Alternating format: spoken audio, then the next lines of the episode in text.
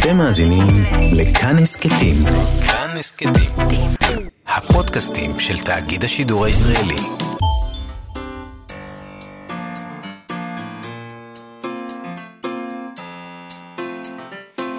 מה שכרוך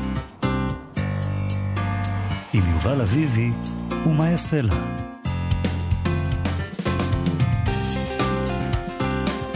שלום, צהריים טובים, אנחנו יובל אביבי ומאיה סלע, מה שכרוך, מגזין הספרות היומי של כאן תרבות, שמחים שהצטרפתם אלינו כביכול יום, 104.9, 105.3 FM, אפשר גם באפליקציה ובאתר של כאן, כמובן, איתנו באולפן היום, ילנה גולדנברג ושלומי יצחק שעושים איתנו את התוכנית. תודה לכם ושלום, ושלום גם מאיה סלע. שלום אהלן. לך, יובל, מה נשמע? בסדר, בסדר גמור. תשמע, אנחנו מדברים הרבה על שימוש בביוגרפיה בספרות, והיום יש לנו מקרה מעניין של הדבר הזה. הספר חמש רגליים של האומנית מירב שין בן אלון עוסק בביוגרפיה שלה. וזו ביוגרפיה מסעירה מאוד, אה, סיפור יוצא דופן, אבל דווקא בזכות החשיפה של החומרים האלה, היא מנסה לומר משהו על אמת ושקר, על הסתרה וסיפורי כיסוי, על מה שאחרים עושים כדי למלא את הפערים במה שהם יודעים עליך. אה, אני חייבת להגיד, מדובר פה בספר יוצא דופן, יפהפה, זה, זה נובלה גרפית שעוסקת בסוד משפחתי. מעט מאוד מילים. יש מעט כאן. מעט מאוד מילים, אבל... יש כאן ציורים, ציורים על מדבקות, הניירות הם בכל מיני גדלים, יש שם... אבל זה מראה מה אפשר לעשות עם כל כך מצונזרים. מעט מילים. נכון. אה, מאוד uh, חכם, מאוד. מאוד אינטליגנטי. אנחנו נדבר איתה היום על הספר הזה, נדבר גם עם צעד הספרים שלנו, אילי גרין, בפינתו הקבועה על עולם האספנות, אבל לפני כל אלה, חומוס. כמובן. תשמע, דיברנו פה בעבר על ספר החומוס והצלחתו הגדולה בעולם. מדובר בספר שיצרו אריאל רוזנטל, שהוא הבעלים של פלאפל הקוסם בתל אביב. אורלי פלי ברונשטיין, עורכת כתב העת השולחן, ודן אלכסנדר, מעצב ותיק, בעל מוניטין, שחי בשנים האחרונות בצרפת, כך אומרים לנו. כעת כותב משה גלעד בעיתון הארץ על סכסוכים בדרך החומוס. Uh, ובעצם מסביר למה הספר הזה לעולם לא יופיע בשפה העברית. אבל נתחיל בלספר למי שלא יודע, מדובר בספר בין 408 עמודים. פורמט גדול, כריכה בגוון זהוב, עליה כתובה המילה חומוס בשלוש שפות, ערבית, אנגלית ועברית. משה גלעד מספר לנו שיש בו מאות צילומים איכותיים, נהדרים, טקסטים של עשרות כותבים ו-70 מתכונים של מאכלים שקשורים לחומוס. הוא אומר שהוא בין ספר אומנות לספר אנתרופולוגי, בין ספר מסע במזרח התיכון ל- לספר בישול. זה באמת ספר יפה, אני ראיתי אותו. הוא... ראית אין, אותו אין... בקוסם? בטח. אוקיי. אה, הוא יצא לאור לפני כשנה בהוצאת מג'יקה, מגיקה. מאז זכה להצלחה גדולה, כל פרס אפשרי בתחום ספרי האוכל כבר הוענק לו, בחודש מרס האחרון הוא זכה ב Gourmand, הפרס היוקרתי ביותר בעולם ספרי האוכל, שזה האוסקר של התחום. אה, הניו יורק טיימס שיבח אותו בהרחבה. האפיפיור מופיע לקומוניקט שמלווה את הספר ומברך את קידום המסר של אנושיות ואחווה בעולם. מדהים. הטקסטים בספר הם אה, כולם באנגלית, העברית והערבית מופיעות רק כאיתור גרפי בשערי הפרקים. Uh, לצד שלושת יוצרי הספר מופיעים טקסטים ומתכונים של uh, אורחים רבים בשלנים גדולים ומפורסמים מהעולם כולו. משה גלעד נפעם מהספר, הוא מדבר אודותיו עם דן אלכסנדר, אורחו הראשי והמעצב uh, של הספר, שחי בפריז כאמור, ומסביר ככה, דן אלכסנדר. חומוס נהפך כבר מזמן לסמל של זהות ותרבות במזרח התיכון.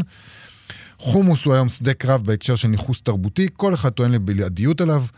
פיל צבוע בחומוס מסתובב בחדר, חומוס הוא מאכל פלסטיני, הפלסטינים טוענים בצדק שלא די בכך שלקחו להם את הבית, לקחו להם גם את האוכל והתרבות. הנושא כולו טעון ולכן הוא עניין אותי. במקומות טעונים יש אנרגיה, מהר מאוד הבנתי שאין לי עניין להמשיך את הדיון המוכר, זה רק מגביר את הניכור והקוטביות. רציתי להציע בספר זווית ראייה אחרת, טובה יותר. זהו מסע של חרטה וסליחה ורצון לחיות בדיאלוג, אשר בו כל אחד מאיתנו מעניק לאחר את התביעה האתית הזאת, הבסיסית כל כך, לזכות של קיום, שוויוניות ואהבה. זה ספר על חומוס. כן. אגב, זה ספר על חומוס ששלושה ישראלים יצרו אותו. כן. יהודים, אה, לא, אין, אין ערבי שיצר אותו, או פלסטיני, או משהו. אבל לא משנה, בסדר. אוקיי. אה, תשמעי, לגבי העניין הזה, אה, שניים וחצי ישראלים נגיד, בסדר? למה? אה, אה, כי הוא חי בפריז. לא, הוא אוקיי. גם אומר, אני לא, הוא אינו מגדיר את עצמו כיום כישראלי. אה, נכון, נכון. הוא לא מגדיר את עצמו כישראלי. אוקיי. 2.45 ישראלים. אה, זהות באה תמיד עם זעקה, אינני רוצה להיות מזוהה עם הדברים שמתחוללים בארץ. כך הצלחתי לשכנע את משתתפי הספר לצאת איתנו מסע משותף. הבטחתי שהספר לא יעסוק במדינות אלא בערים, אוקיי? אנחנו כמו מתבוננים במזרח התיכון מחללית וממנה המציאות נראית שונה, לא תשמע אותי מדבר על שלום, אלא על שוויון וסדר חברתי חדש. זה מה שהוא אומר.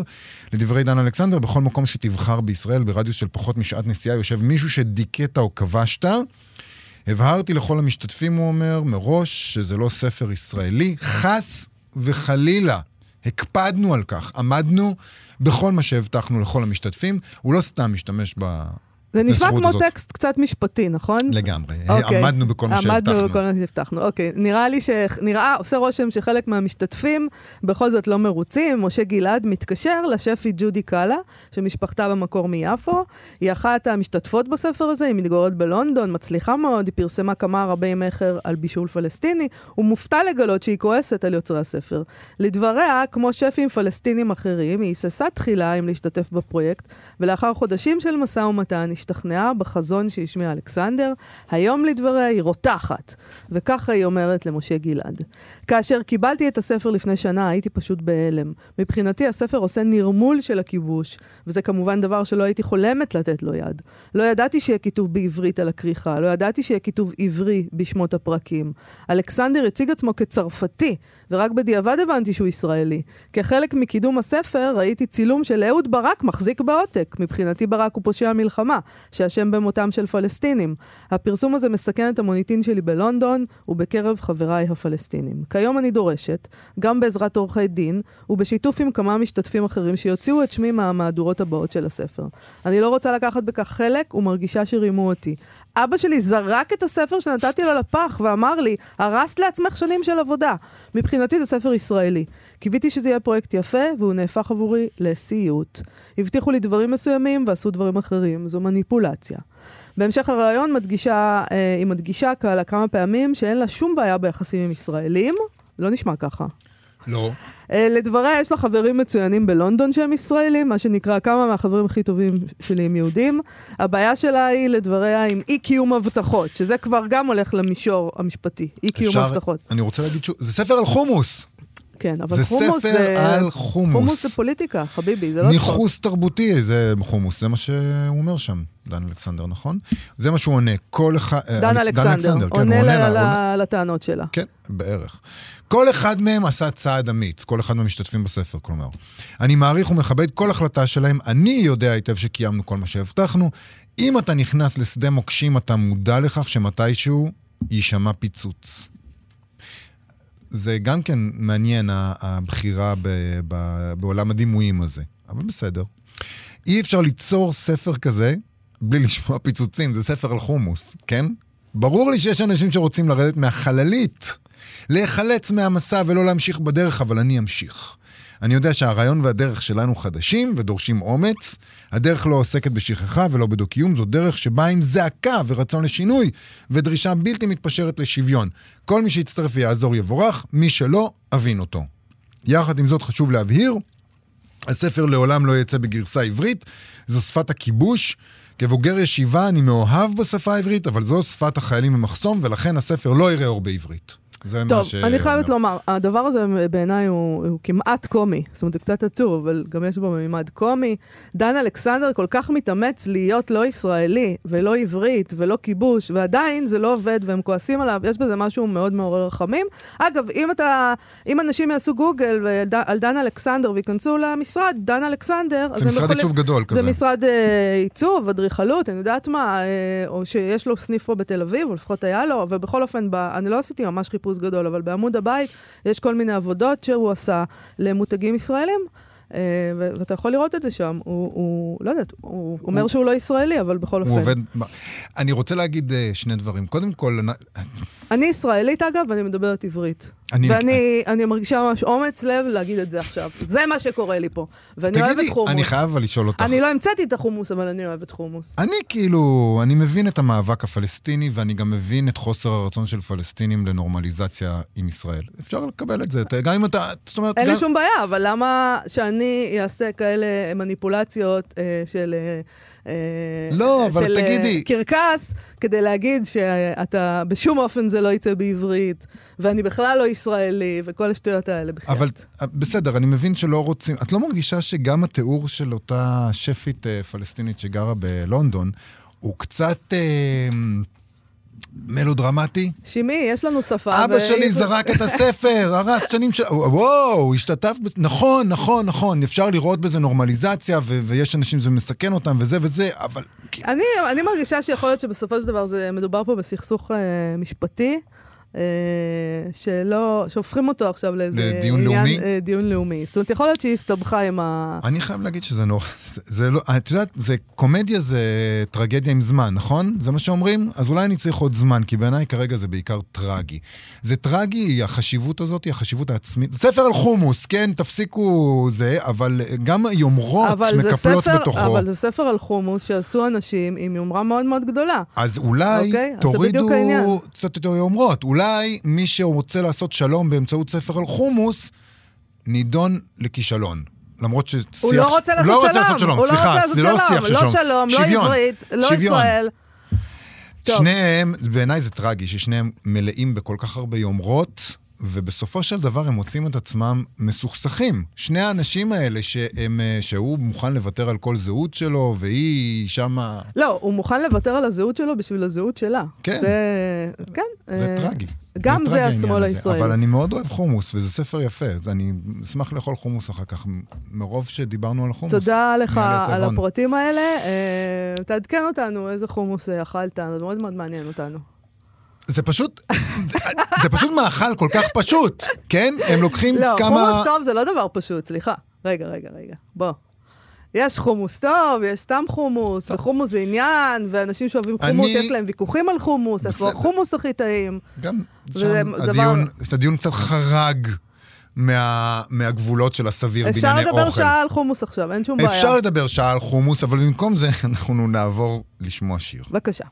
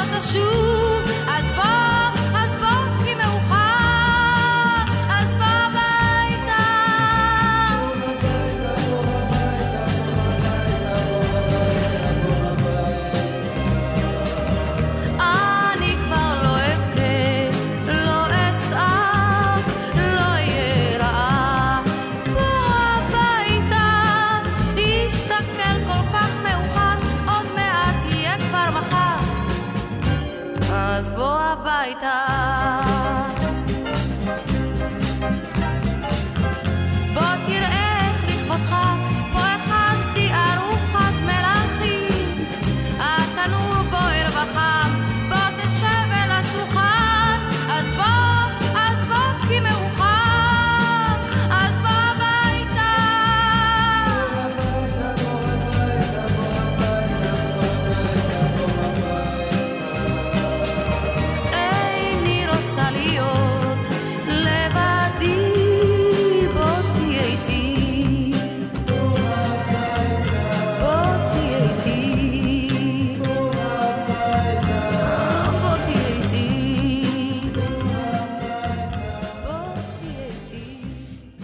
אנחנו מה שכרוך בכאן תרבות, מאיה סלע ויובל אביבי. בנובלה הגרפית חמש רגליים, האומנית מירב שין בן אלון נוגעת בסיפור האישי שלה, אבל הסיפור נחשף בקרעי משפטים, בחצאי עובדות, שמהן הולך ומתברר סיפור משפחתי מורכב.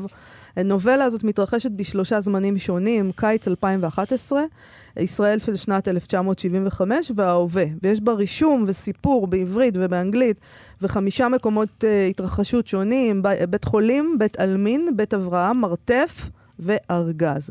שוהם סמית, שכתבה את אחרית הדבר לספר הזה, נתנה גם שם לסוגה החדשה שהוא מייצג, כי מאוד קשה להגדיר מה זה הדבר הזה. דבר יפהפה, אני חייבת לומר. אבל מהמם. קשה להגדיר, היא קוראת לזה נובלה פוליגרפית. מירב שין בן אלון היא אומנית רב-תחומית, שעוסקת ברישום, כתיבה, ציור ומיצב. זהו ספרה הראשון הכולל חיבור בין נרטיב לדימויים. קדם לו ספר האומנית די-בוק, שכלל 50 רישומים ללא טקסט, בפורמט של ספר סקיצות. שלום לאומנית מירב שין בן אלון. אה, כדי להבהיר, אה, מירב, למאזינים על מה מדובר, וכדי שאני לא אעשה ספוילרים או אדבר על זה באיזה אופן שלא היית רוצה, אני, אני אודה לך אם את תספרי לנו במה עוסק הספר הזה. אוקיי, אז אה, הספר בעצם מספר, או נבנה מתוך איזשהו סיפור, אה, סיפור של אה, גילוי של סוד משפחתי, אה, שבעצם מתאר את, ה, את התהליך של ההתוודעות בעצם לסוד. זאת אומרת, יש את, ה, את השלב של הגילוי ויש גם את ההבנה בדיעבד, שבעצם אה, מתרחשת כסוג של... גם אירוע ש, שאני עצמי עברתי, אבל גם איזושהי חוויה שאני מנסה אה, לבנות אותה, ש, שעוברת גם על, ה, על הצופה קורא. אה, כשבעצם אה, לאט לאט נחשף, וגם לא נחשף, אז נבנה איזשהו פאזל שצריך בעצם לבנות אותו, אה, לגבי מה, מה בעצם קרה שם, מה, מה בעצם היה שם, אה, ו... ו... ואיך אה, איך מתנהלים עם, ה, עם הסיפור הזה, עם, ה, עם הסוד הזה בעצם ש, שמתגלה שאחרי שעה באמת בעצם אה, אה, אנחנו מבינות שיש עוד, אה, עוד שתי משפחות בעצם שלא ידענו עליהן. ש- שהיו על- לאבא עוד שתי משפחות, ככה זה, כן. אני, אני, אני חייבת לומר אבל כן. אה, למאזינים ש, שמקשיבים לתוכנית הזאת ול, ולמאזינות, זה, זה יכול להישמע עם, עם מימד של טלנובלה, אבל זה מאוד לא. יש משהו מאוד נכון. מאופק באופן שבו את מספרת, נכון. אה, מאוד מדוד. לא בהרבה מילים, לא, נכון. ו- ובלי איזו התפרצות של רגשות, דווקא זה הדבר, זאת אומרת, כי זה, כי זה, אנחנו מתוודעים לזה ממש בהתחלה, בעמודים כן. הראשונים, שאחות בבית חולים אומרת, כן. אחותכם הייתה פה, ואתם אומרות, אין לי נכון. אחות, אה, נכון. וזה ממש המשפט הזה, לכי תוכיחי שאין לך אחות, ממש ככה. אז, אה, אז אה, את לא יכולה להוכיח במקרה הזה שאין לך נכון, אחות, זה דברים נכון. שמסתברים, אבל הכל מאוד מוחזק. וגם, אני חייב להגיד ש, שגם זה קורה ב, ב, בקרעי משפטים, אז יש, אתה צריך לשכנע את עצמך שמה שהבנת נכון. זה מה שהבנת, נכון, ואתה נכון, חוזר נכון. אחורה וקדימה ואומר, אוקיי, בסדר, הבנתי, צדקתי. נכון, נכון, נכון. איך זה נולד? כשאתה- הדבר הזה- חושב- סליחה. אז איך זה נולד, הספר הזה, כשאת אדם שבדרך כלל אה, מתעסק ב- בדברים ויזואליים? זאת אומרת, איך נהיה שיש טקסט מבחינתך, כי בעבודה שלך? תראי, הכתיבה, אני כותבת כבר 20 שנה. זאת אומרת, הכתיבה היא לא, היא לא, לא התחילה בספר הזה, אבל אה, דווקא בגלל שאני כותבת כבר 20 שנה, אז בעצם אה, אני גם מסתובבת עם החלום הזה לעשות ספר, ש, שעד היום אה, עוד לא קרה.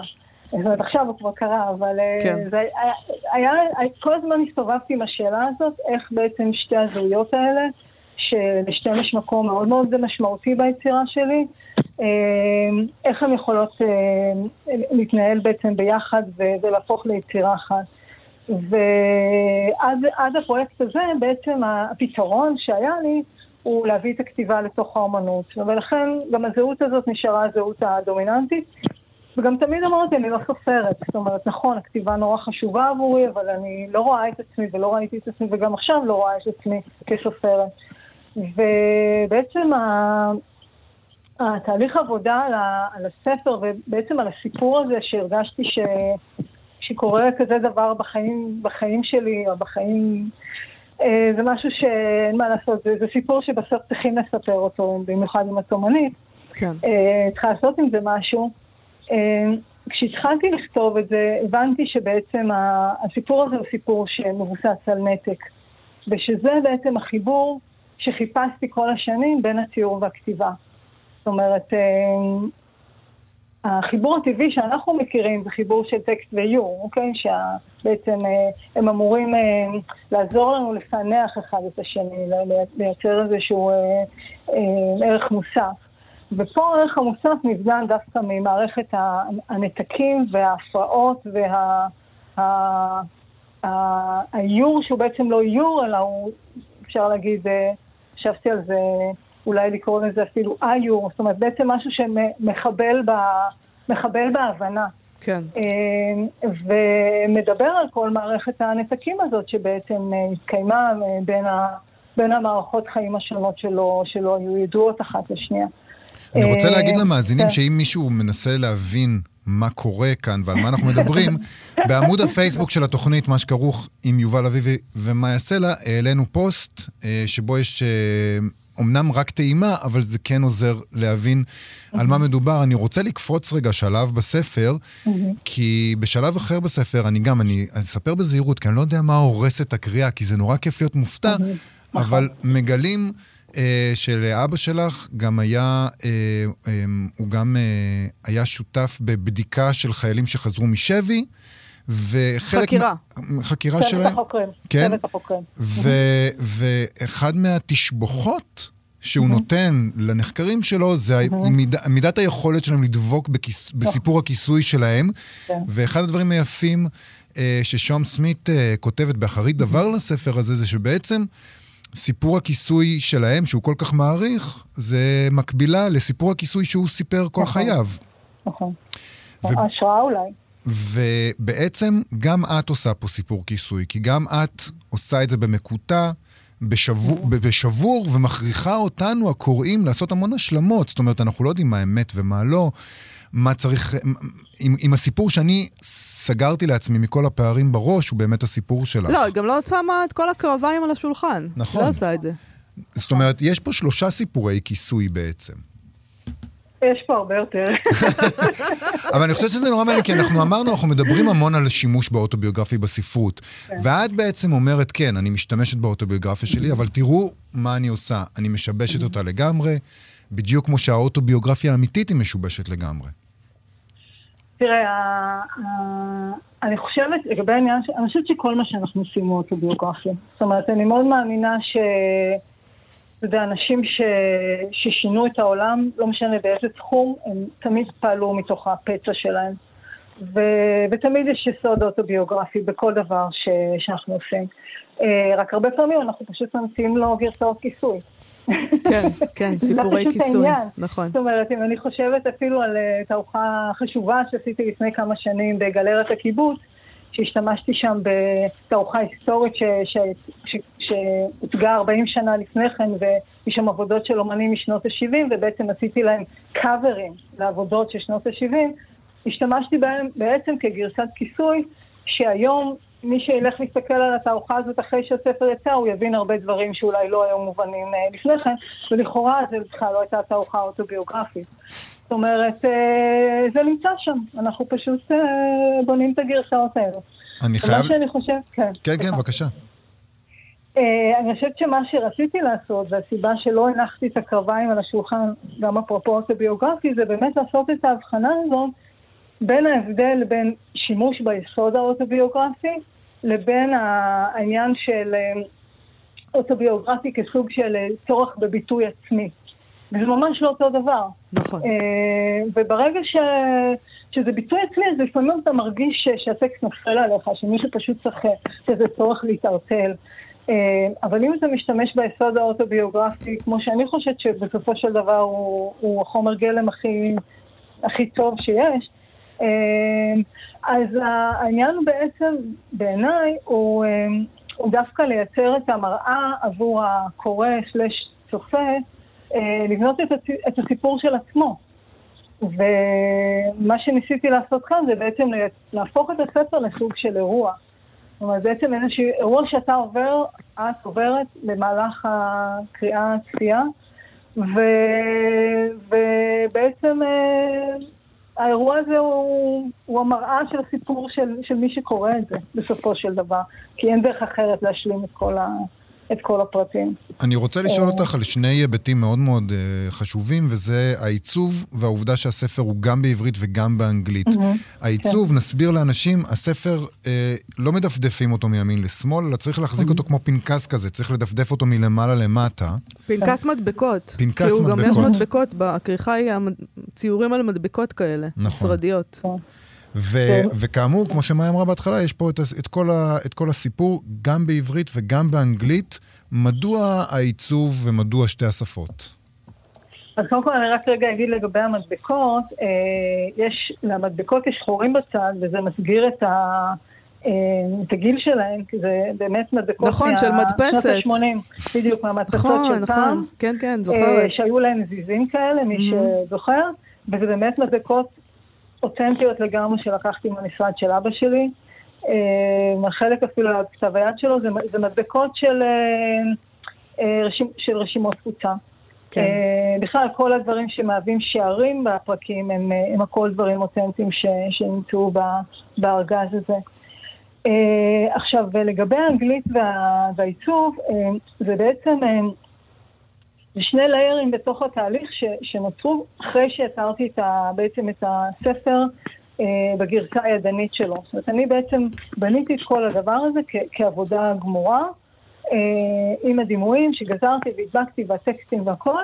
אה, ואז בעצם יצאתי לפגוש גם את העורכת, את שון, אה, את המתרגמת ואת המעצבת. אבל לפני כן, המחשבה על האנגלית בעצם התחילה מזה שבגרסה הראשונה, אה, הפ- הפרק הראשון היה בעצם כל הספר, ו...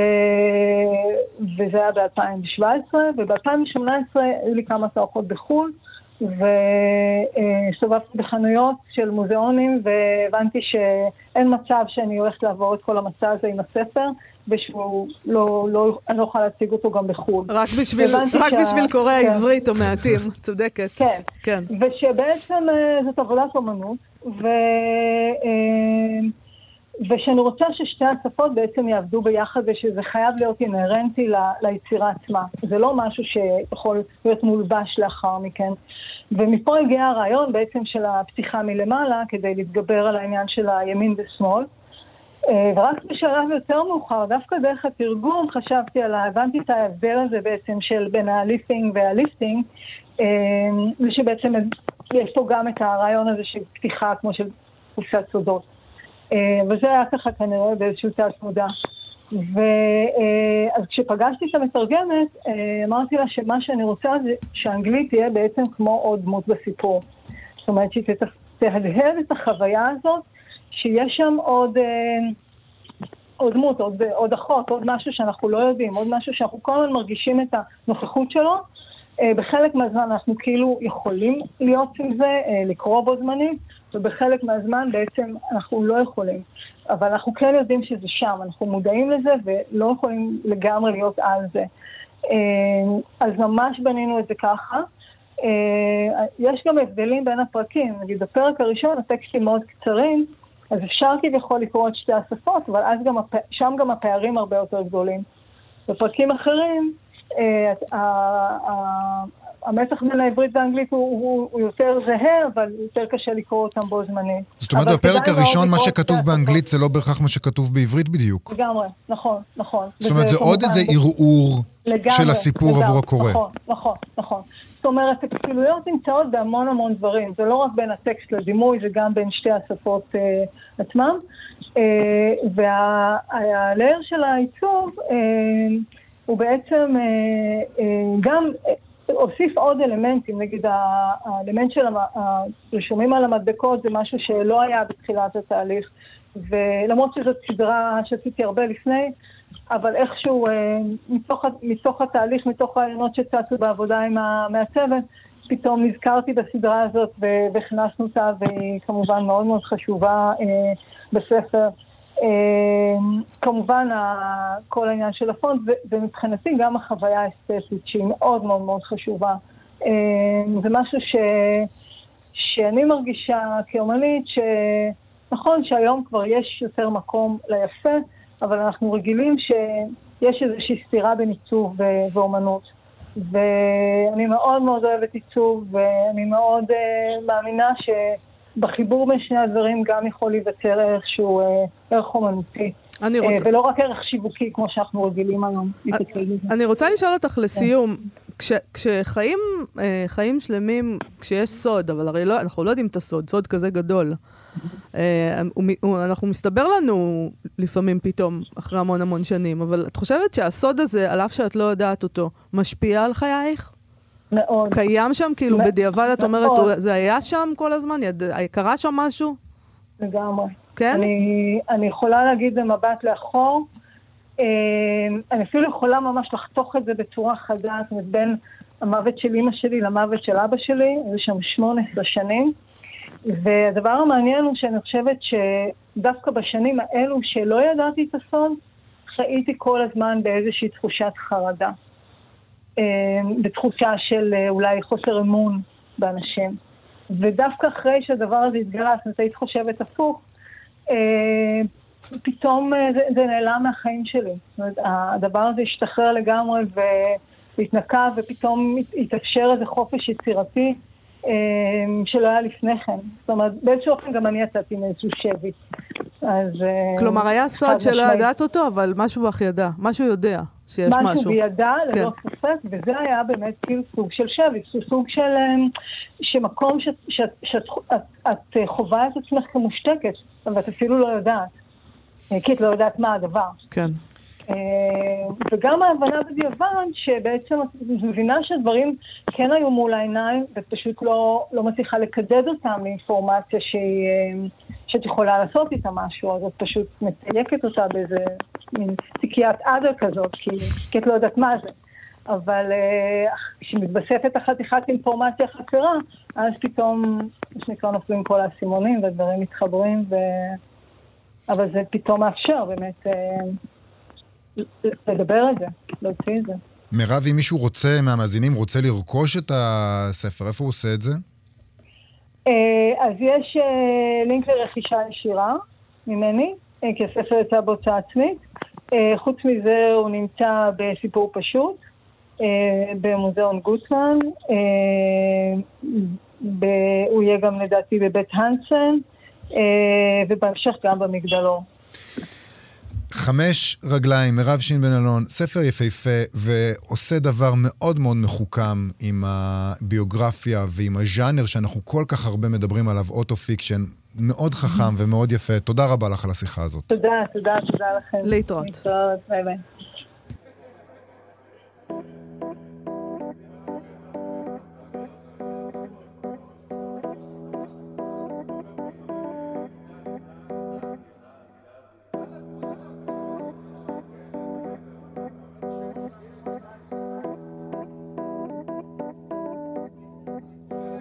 אדם צריך בית,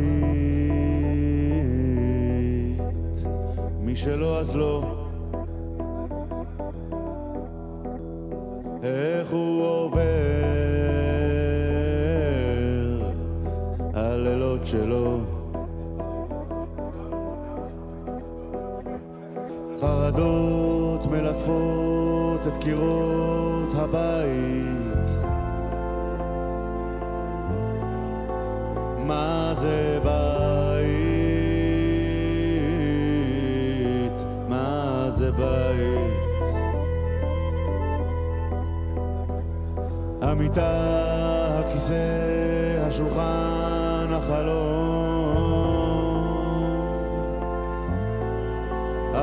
שמסביבו.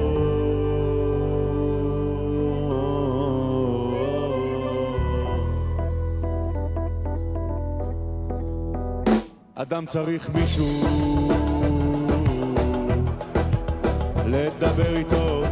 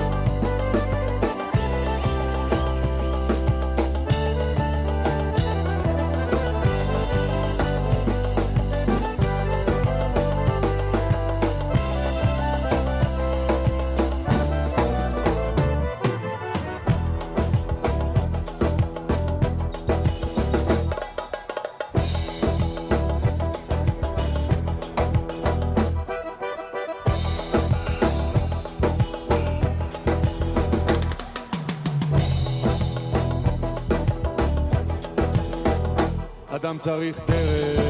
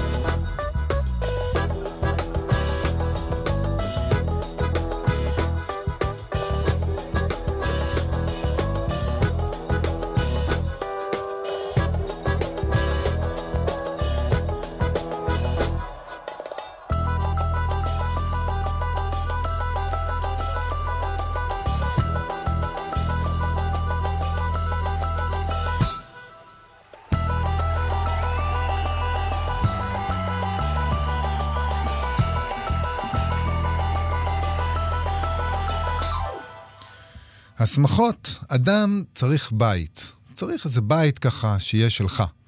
שפה, בית, כל מיני אוכל. דברים, צריך- אוכל, חומוס.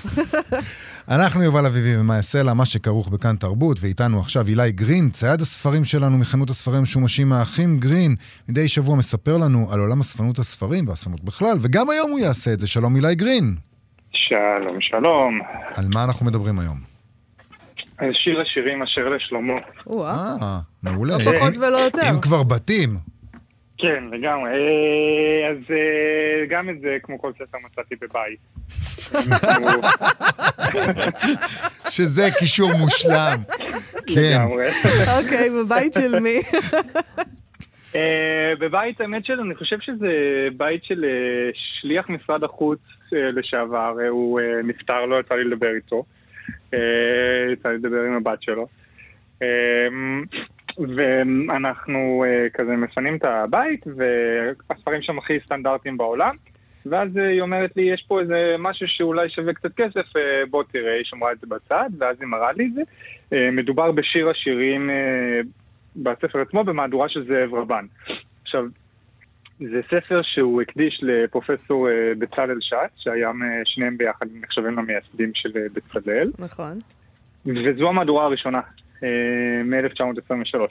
די נדירה, יפהפייה, שלחתי לכם תמונות בדיוק. זה מהמם.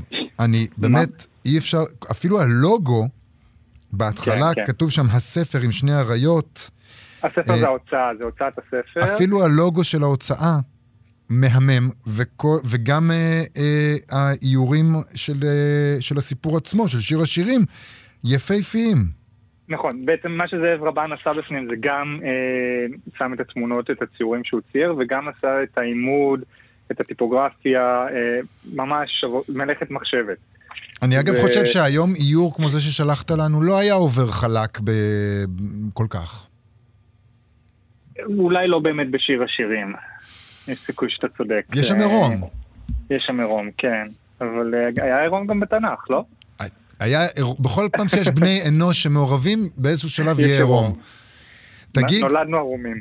תספר לנו קצת, מה, זה יצא בשנת 1923, ומה, זה כן. ככה מספר עותקים מאוד מאוד מוגבל? אה, מה הסיפור של... ספציפית, לא, יצא במקביל לזה, יצאה מהדורה שהיא הייתה במקלף אור, אה, שהייתה אה, ממוספרת וחתומה על ידי זאב רבן, זו מהדורה שנמכרת בדרך כלל במכירות פומביות, אך עדיין מדובר במהדורה הראשונה. המהדורה הזו יצאה על ידי בצלאל, ממש על ידי הבית ספר. אחר כך יש מהדורות נוספות ב-1930, וסיני, ההוצאת ספרים, לקחו את זה בשנות ה-60 וה-50 על עצמם והוציאו גם עותקים כאלה, גם בכריכת אור. אה, אבל זה ממש איך שהבית ספר עצמו תכנן והוציא, ככה זה נראה, וזה באמת עותק מהמם. אה, ממש אפילו לא דורש שיפוץ, לא כלום, אני אה, ממש מרוצה ממנו. אז אתה הולך לשים אותו במכירה פומבית ולראות מה... אני, בדרך כלל מי שקונה את זה, זה אנשים שקונים את זה מתנה לזוגות שמתחתנים. זה מתנה, אי אפשר להגיד נפוצה, כי צ'ק בכל זאת זו מתנה נפוצה יותר. וגם כי זה לא כל כך נפוץ. בדיוק. אבל כן, מתנה אבל- יפה דווקא, רעיון אני- יפה. מאוד יפה, מאוד Mhm. יפה. זה ספר מאוד רומנטי, אה, זה ספר מאוד שמאוד מתאים לחתונה, אז אה, אני אשים את זה בחלון הראווה שלי, ומי שיקנה יקנה. וכמה אתה, אה, כמה כסף תרצה על זה? אני חושב שאני אקח על זה 800 שקל. אה, זה לא מעט. זה לא מעט. זה לא מעט. זה לא אבל- מעט, אבל זה אבל זו לא... מתנה יפה לחתונה. מאוד, כן. אני מקווה שהזוג הצעיר ידע להעריך את זהו, זה הדבר הזה, דורש, לך זה. דורש, אה, זה דורש אה, לדעת אה, שהזוג שאתה מעניק לו את הדבר הזה ידע להעריך את. זה. לא לכל אחד, אני מסכים. תשמע, זה דבר יפהפה, ברשותך אנחנו נשים את זה אה, בעמוד הפייסבוק שלנו, או לפחות חלק מהדברים ששלחת לנו, כי ראוי שכולם יראו את זה. תודה רבה לך על השיחה הזאת, אילי גרין. בכיף. תודה. נשמע שיר? ביי ביי.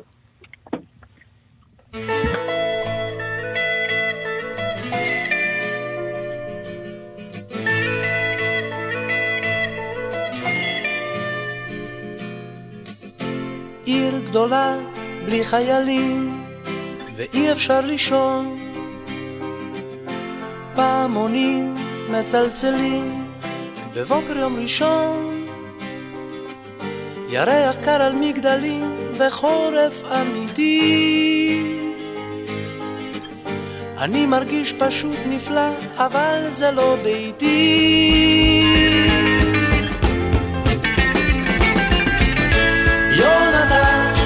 הביתה. קח רכבת, קח אווירון. קח מתנה קטנה לילד, אווירון. יונתן, לך לישון.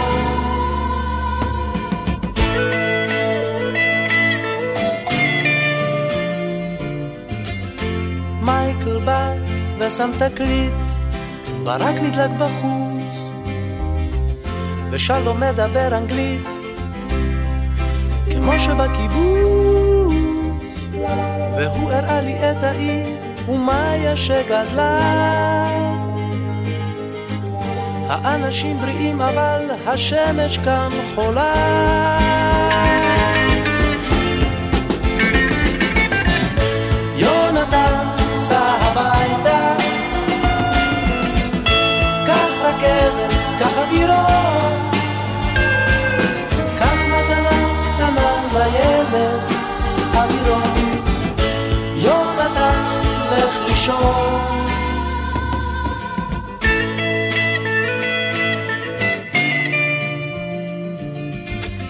הלכנו למקום גדול, לשתות אתם יודעים, ומנגנים שם רוקנרול, בכל מיני צבעים.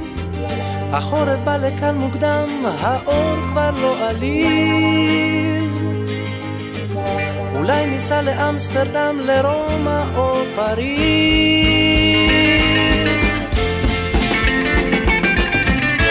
יונתן, סע הביתה. קח רכבת, קח אווירון. קח מתנה קטנה לילד. קח תרמיל, קח מקל. וסע לארץ ישראל. סע לארץ ישראל.